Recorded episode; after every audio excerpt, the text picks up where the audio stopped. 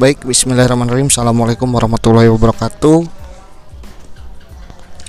Uh, setelah kemarin kita melaksanakan PTS atau penilaian tengah semester dan materi uh, PTS tersebut sampai dengan awal bab 2 yaitu mengenai sejarah sebagai ilmu, kisah peristiwa dan seni. Uh, kita lanjut ke materi selanjutnya yaitu mengenai sifat ilmu. Nah, uh, sifat ilmu sejarah itu terbagi menjadi dua ya, untuk sifat ilmu sejarah. Sebenarnya ada uh, dua ini sudah dipelajari di sejarah Indonesia pada awal pertemuan atau awal, awal masuk dulu di bab pertama ya. Yaitu sifat ilmu sejarah ada diakronis dan juga ada ideografis. Nah ini. Tambahannya mungkin ada juga sinkronik ya atau sinkronis ya. Ada diakronis ada juga sinkronis dan ideografis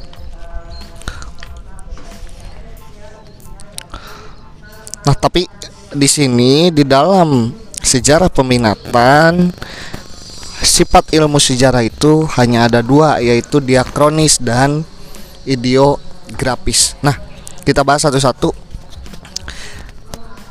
Yang pertama mengenai diakronis ya. Diakronis secara harfiah berarti melintasi perjalanan waktu.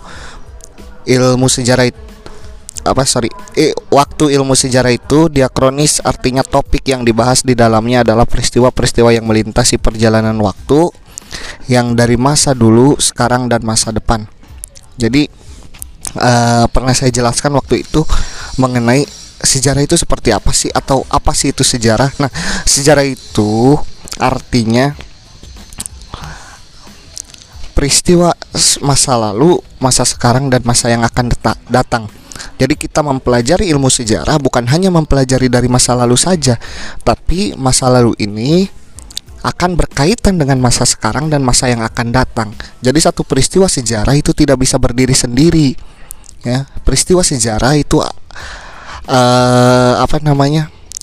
Kalau akar itu bukan akar tunggal, tapi ada beberapa faktor yang menyebabkan sejarah ini terjadi atau ada latar belakang yang menyebabkan sejarah ini terjadi.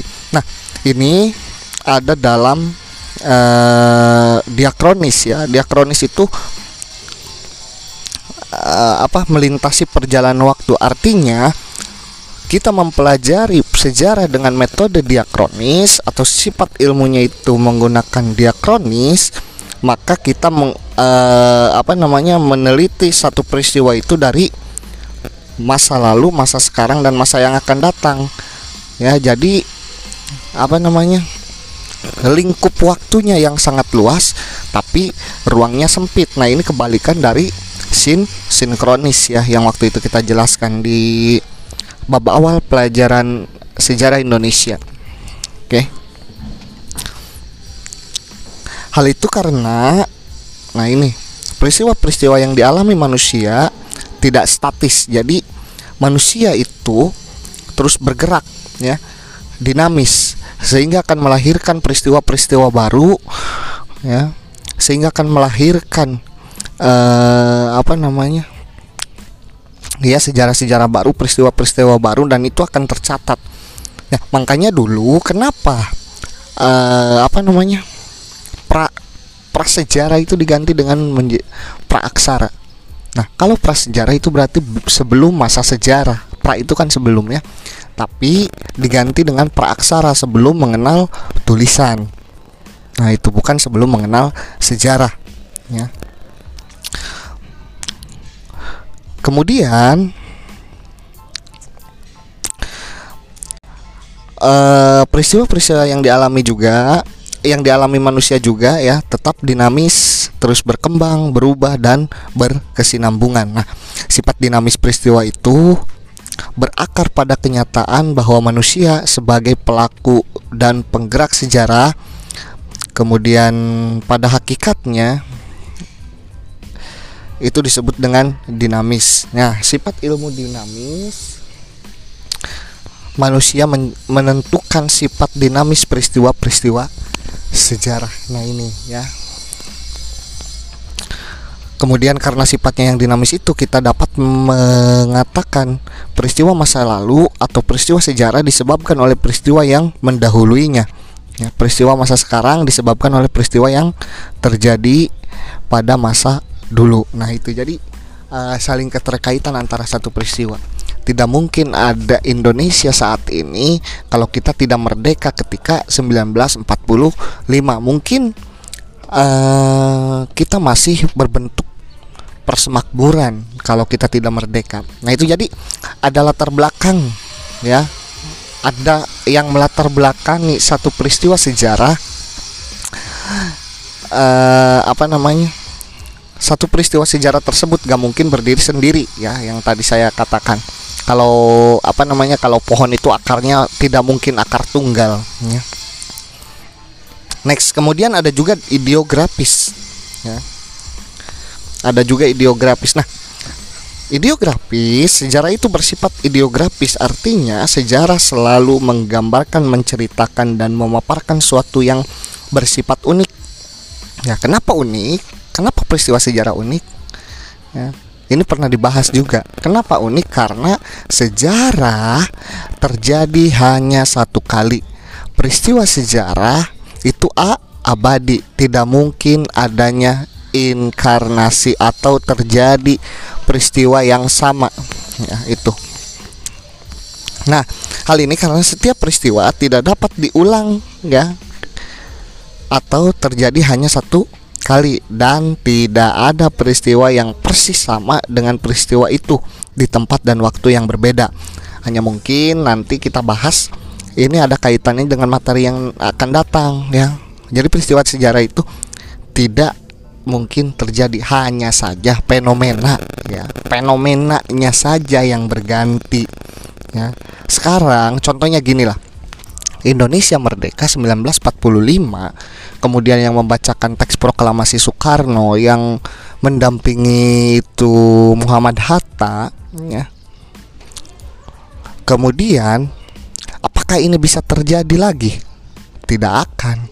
Tapi satu saat amit-amit ya. Ini misalnya Indonesia dijajah kembali kemudian kita menyatakan kemerdekaan kembali dengan proses yang hampir sama tapi orang-orang di dalamnya itu akan berbeda. Nah ini yang disebut dengan fenomena ya. Fenomenanya sama tapi tidak mungkin orang-orangnya itu orang-orang itu ya nggak mungkin Soekarno kembali membacakan teks proklamasi kan? Ya jadi itu satu hal yang mustahil sehingga sejarah disebut dengan peristiwa yang abadi unik ya Kemudian Nah ini Hal ini karena setiap peristiwa tidak dapat diulangi atau terjadi hanya satu kali dan tidak ada peristiwa yang persis sama dengan peristiwa itu di tempat dan waktu yang berbeda. Itulah ya sebabnya penelitian sejarah tidak bertujuan menemukan hukum umum atau dalil tertentu ya, tetapi untuk memahami suatu peristiwa ya. Ini memahami itu artinya versten ya.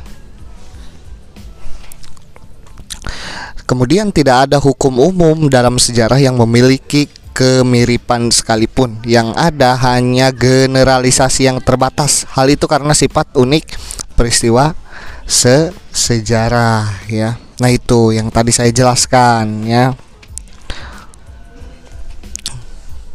Kemudian contohnya ini tidak ada teori yang berlaku umum yang menunjukkan kemiripan sekalipun demonstrasi besar mahasiswa. Pasti dapat menggulingkan pemerintahan yang tidak demokratis. Dapat saja terjadi sebaliknya demokrat demonstrasi mahasiswa itu malah memperkuat pemerintahan yang dianggap tidak demokratis tersebut. Seperti dalam kasus demonstrasi ini di Tiongkok di lapangan Tiananmen ya tahun 1989. Hal ini dapat terjadi karena perbedaan kekuatan dukungan, latar belakang budaya dan kekuatan tema yang diusung antara suatu tempat dan tempat lainnya. Nah, dalam ilmu alam seperti fisika misalnya ya, setiap buku setiap batu yang diletakkan di atas air yaitu entah air danau toba atau air sungai uh, di tempat kalian atau air di mana pun juga ya dan kapan pun juga pasti akan tenggelam. Nah itu satu hukum yang pasti ya. Satu hukum yang pasti atau dalil yang pasti ya. Hal ini yang menjadi letak perbedaan antara penelitian sejarah dan penelitian dalam ilmu-ilmu eksak